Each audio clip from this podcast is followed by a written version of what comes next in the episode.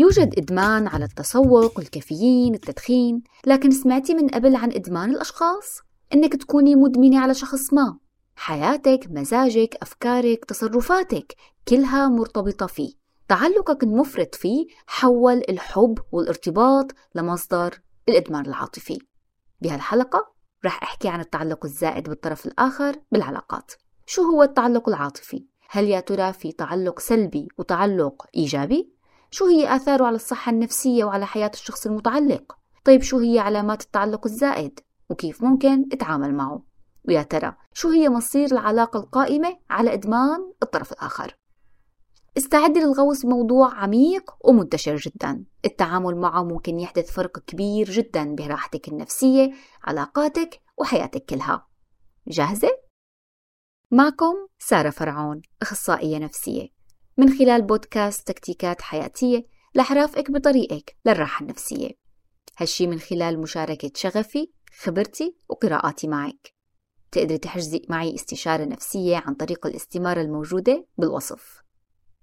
عنوان حلقة اليوم التعلق العاطفي. الشعور بالارتباط العاطفي من أجمل الأشياء يلي ممكن نعيشها. إنك تشعري بالأمان من كلمة قالها والدك إنك تشعري بالفرح من نظرة فخر وجه لك إياها أخوكي. أو إنك تشعري بالحب من دعم ومساندة زوجك إلك. الارتباط العاطفي من الاحتياجات الأساسية عند الإنسان. نحن كبشر ما بنقدر نعيش وحدنا وبنحب دائما نكون مع أشخاص آخرين نحبهم ويحبونا. هالشي حقيقة بيساعد جسمنا على فرز عدة هرمونات. من ضمنها ما يسمى بهرمونات السعادة مثل السيروتونين، دوبامين والأكسيتوسين يلي بيسموه هرمون الحب. فهو اللي بيحرك رغبة الإنسان بالتواصل والترابط الاجتماعي. إذا الارتباط العاطفي أمر مهم جدا بحياتنا فهو بيمنحنا الشعور بالإطمئنان والسعادة. لكن يوجد خيط رفيع جدا بين الارتباط العاطفي الصحي والارتباط العاطفي الغير صحي يلي ممكن يتحول مع الوقت لتعلق عاطفي مرضي. التعلق العاطفي بيظهر على شكل سلوك بيتميز بالحاجة المفرطة للاهتمام أو الرعاية أو التحقق بشكل مستمر من سلامة الآخر. هالشي بيولد شعور عند الفرد أنه ملزم 24 ساعة بالحفاظ على علاقة وثيقة مع الشخص الآخر فبيحزن لحزنه بيغضب لغضبه وممكن يتوقف ويتعطل يومه بالكامل إذا زعل منه أو حصلت مشكلة ما معه. يعني باختصار حرفيا ما بيقدر يعيش بدون الطرف الآخر.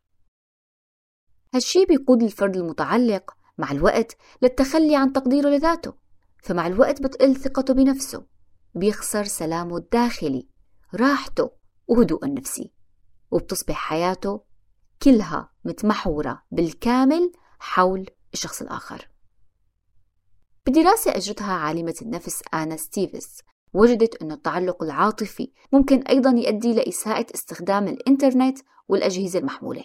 فمن شدة التعلق بالطرف الآخر تظهر عنده رغبة أنه يكون متصل معه دائما دائما يحكي معه. ممكن كمان يراقبه يا ترى هل هو متصل بالإنترنت أم لا؟ ويشيك دائما على آخر ظهور.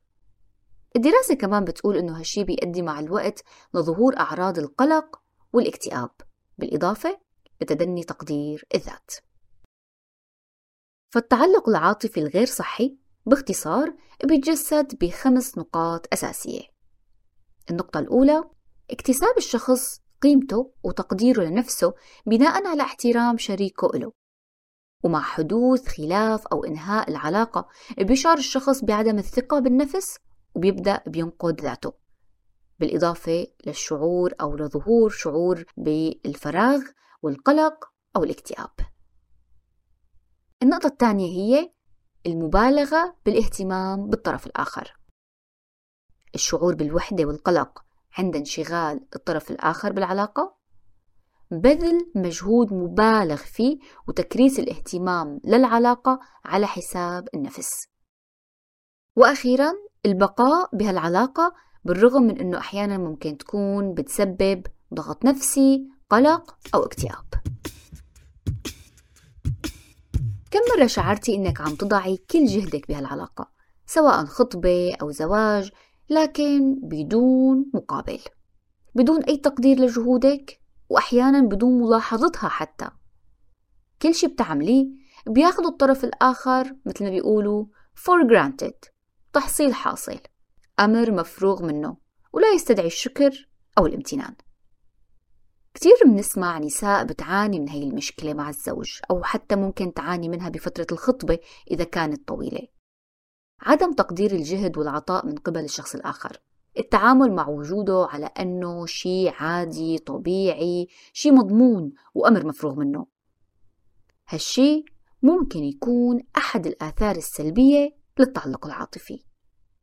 الأثر هذا ممكن يكون من أسوأ الآثار اللي ممكن تحصل بالعلاقة. هالشي رح يجعل العلاقة سامة ورح يوجد طرف معطي والطرف الآخر رح يكون عبارة عن متلقي فقط. وأي علاقة بالدنيا إذا ما كانوا الطرفين فيها عم يعطوا وعم ياخدوا بنفس الوقت فهي غالبا رح تكون علاقة غير صحية. وبصراحة أحيانا ممكن يكون الطرف الآخر غير منتبه. فهو عم يتلقى اهتمام اهتمام اهتمام اهتمام. فلاحظ إنه خلص العلاقة تمام والأمور تمام والشخص الآخر رضيان ومبسوط فهو عم يهتم فيه لدرجة مفرطة.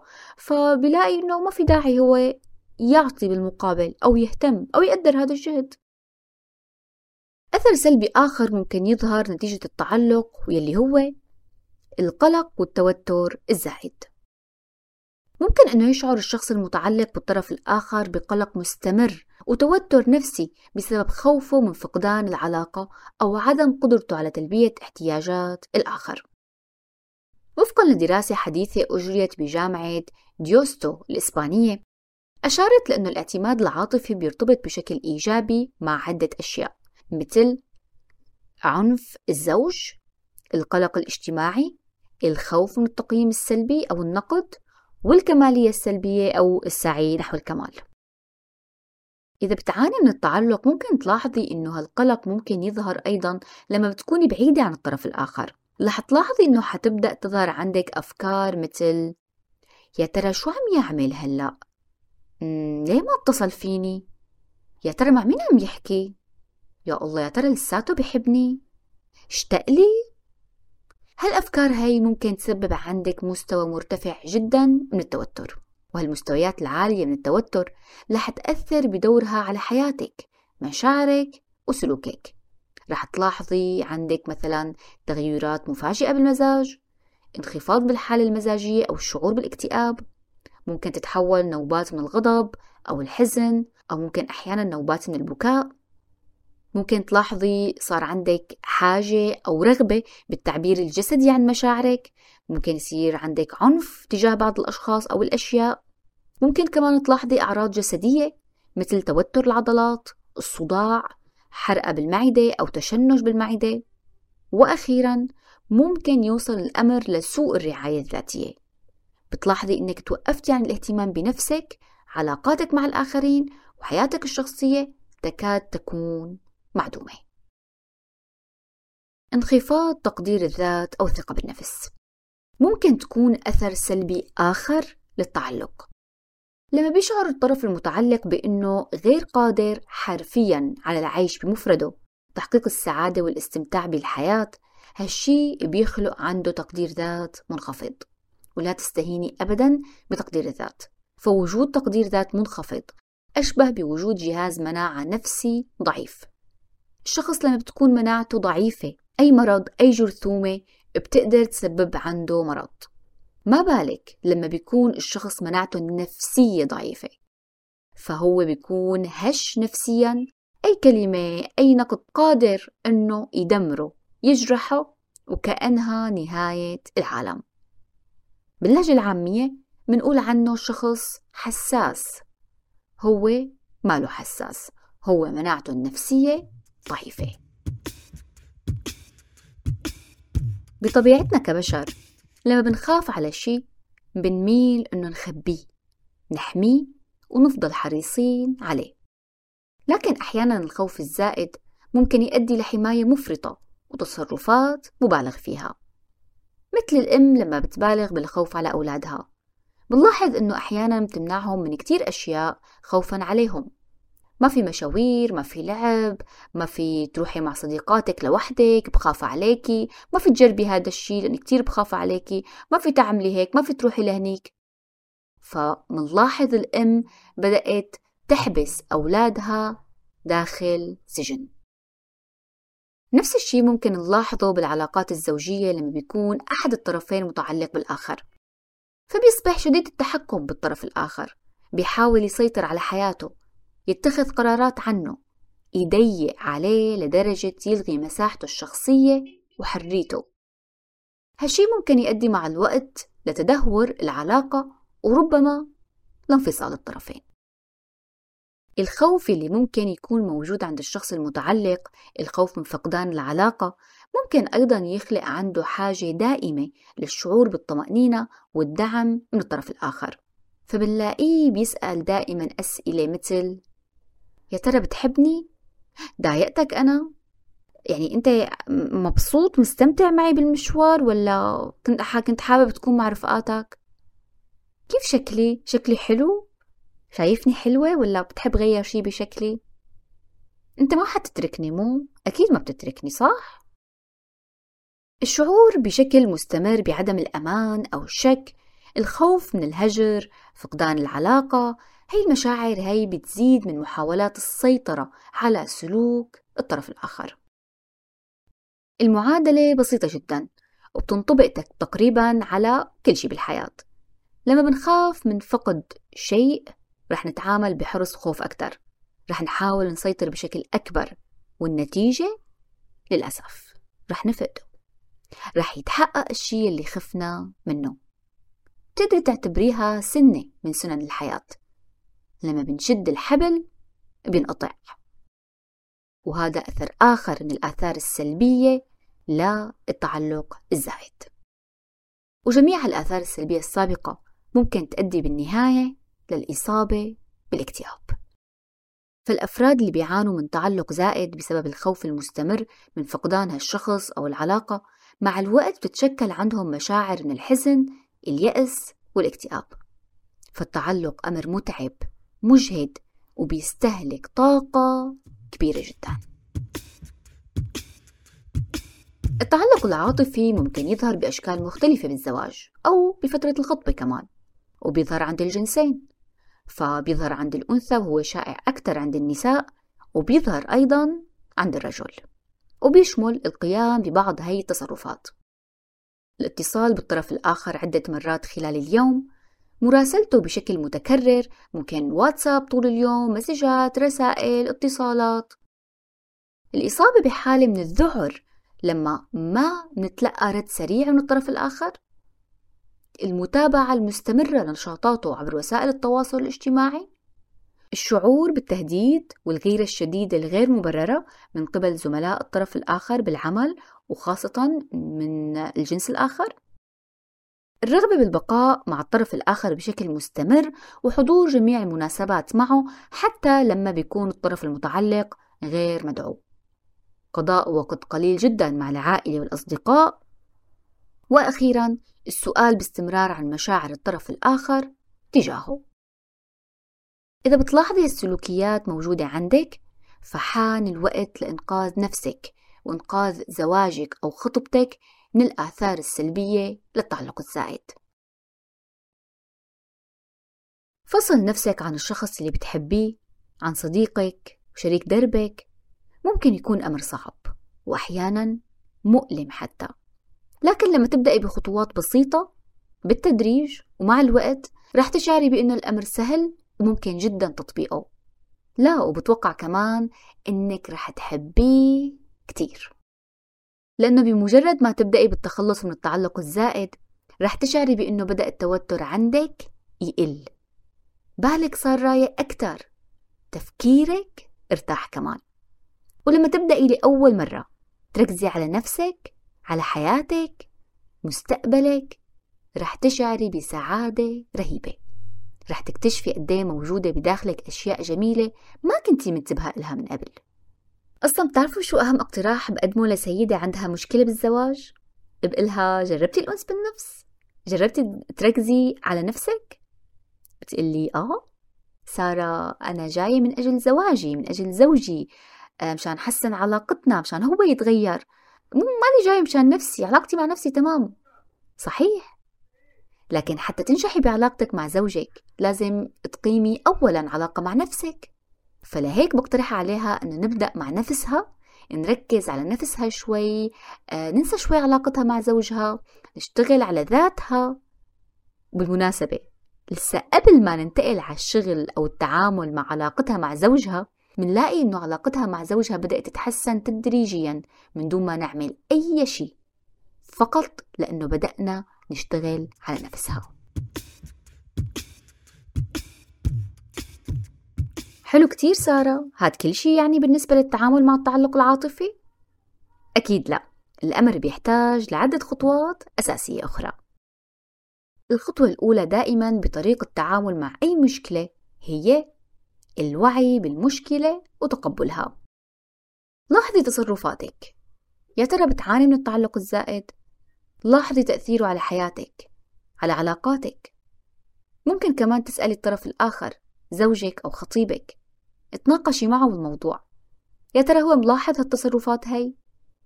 ممكن يكون مؤلم إنك تعرفي منه إنه الجهود اللي عم تبذليها بالعلاقة والحفاظ عليها عم تأتي بنتائج عكسية. وعم تزعج الطرف الآخر معلش لسه ما فات الأوان لتقومي بإنقاذ العلاقة الوعي والقبول بوجود المشكلة رح يحفزك على اتخاذ خطوات حقيقية وفعالة للتعامل مع هالأمر الخطوة الثانية بطريقة التخلص من التعلق الزائد ركزي على نفسك يا ترى بتعرفي نفسك بشكل كافي؟ نقاط قوتك وضعفك؟ مواهبك الفطرية؟ الأشياء اللي بتستمتعي بالقيام فيها؟ شو هي أهدافك؟ شو حابة تحققي بالمستقبل؟ شو هو طموحك؟ يا ترى مهتمة بتقديرك لذاتك؟ مهما قضيتي وقت مع الآخرين أنت فقط هو الشخص الوحيد يلي راح يفضل معك طول حياتك لذلك فعليا أنت أهم شخص بحياتك وأكثر شخص بيستحق الاهتمام هالكلام ما بيعني أبدا أنك ما تهتمي بزوجك أو خطيبك. اهتمي طبعا لكن بتوازن. خففي اتصالات خففي رسائل حاولي يكون لك وقت خاص فيكي أنت وحدك كل يوم تجلسي فيه مع نفسك. اهتمي بعلاقاتك الاجتماعية خلي عندك نشاطات خاصة فيكي وحدك. على فكرة هالشي بينصح فيه أخصائي العلاقات الزوجية لتقوية العلاقات الزوجية. وعلى رأسهم جون جوتمان من أشهر أخصائي العلاقات الزوجية. فلما بيكون كل طرف عنده حياة خاصة نشاطات أخرى بجانب الحياة المشتركة والنشاطات المشتركة بهالطريقة بتكون الحياة ممتعة أكثر لأنه بيكون عندكم شي تحكوا فيه لما بتشوفوا بعض. في أحداث جديدة في أحاديث مختلفة متنوعة وأخبار مشوقة. فاشعري بذاتك. اهتمي بنفسك. باستقلاليتك كفرد مستقل.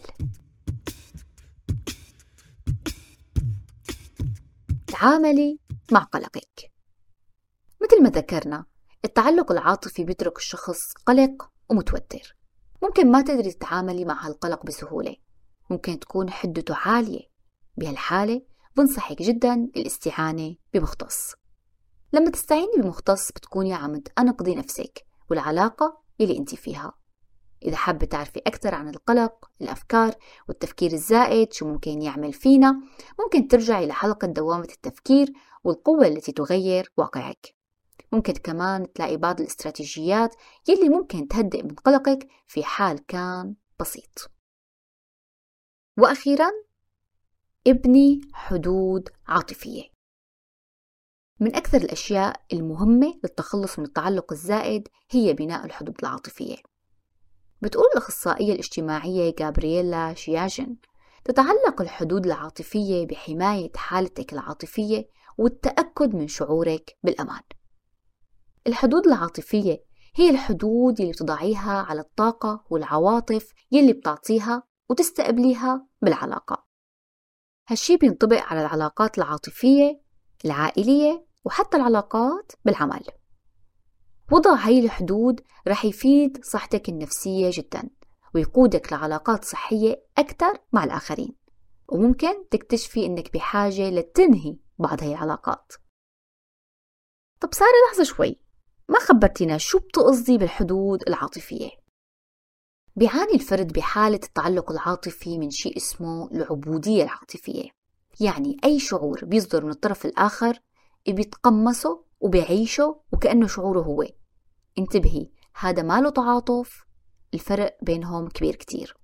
مثلا لما يغضب الطرف الآخر بالعلاقة بيغضب معه حرفيا.